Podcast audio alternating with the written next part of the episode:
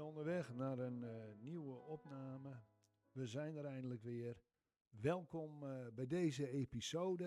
Ik vind het fantastisch eh, om ja, jullie weer van een leuk verhaal te voorzien. Ehm, ik heb het gescheiden in twee soorten. Aan de ene kant zijn het mijn persoonlijke belevenissen. Aan de andere kant wil ik gewoon verhalen vertellen. En ik wil beginnen met een verhaaltje. Er was ooit eens een man en die wou weten over leiderschap.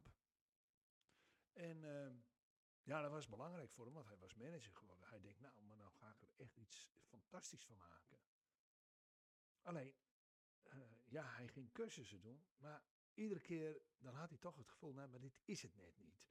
Ik ben de baak geweest en een ontwikkelingstraject daar. En bij Harte Linksma en alle bekende bureaus ging hij langs om cursussen te doen. Maar het was het hem net niet.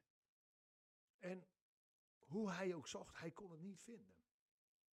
En uiteindelijk besloot hij om naar een guru toe te gaan. Maar ja, ja, als je het uiteindelijk niet meer weet, ja, dan is het handig om een guru te bezoeken. Dus de man gaat helemaal naar India toe, vliegt er naartoe, komt bij de guru en zegt tegen de guru, kunt u mij leren over leiderschap? Ja, zegt de guru.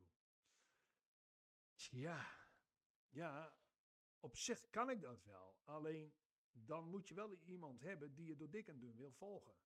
Ja, en die heb je niet. Dus ik zou zeggen, misschien dat je ze eh, over een hele aantal jaren weer terug kunt komen. Als jij iemand hebt die je door dik en dun volgt. Helemaal teleurgesteld ging de man naar huis. Baalde eigenlijk als een stekker. Voelde het helemaal niks. Maar ja, zes jaar later gaat hij weer naar de guru. En stiekem gniffelt hij wat. Hij komt bij de guru.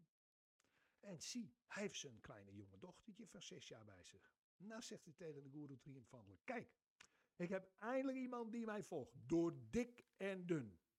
Dus kunt u me nou leren over leiderschap? Ah, zegt de guru, dat is mooi. Ja, natuurlijk kan ik dat. Nou, eh, vertel. Nou, dat zal ik je vertellen. Wat is nou de reden eigenlijk dat ze jou volgt? Ja, dat is toch heel simpel? Ze houdt van mij. Dan zegt hij, dat snap ik wel. Maar waarom houdt ze eigenlijk van jou? Ja, omdat ik van haar hou. Nou ja, zegt de guru.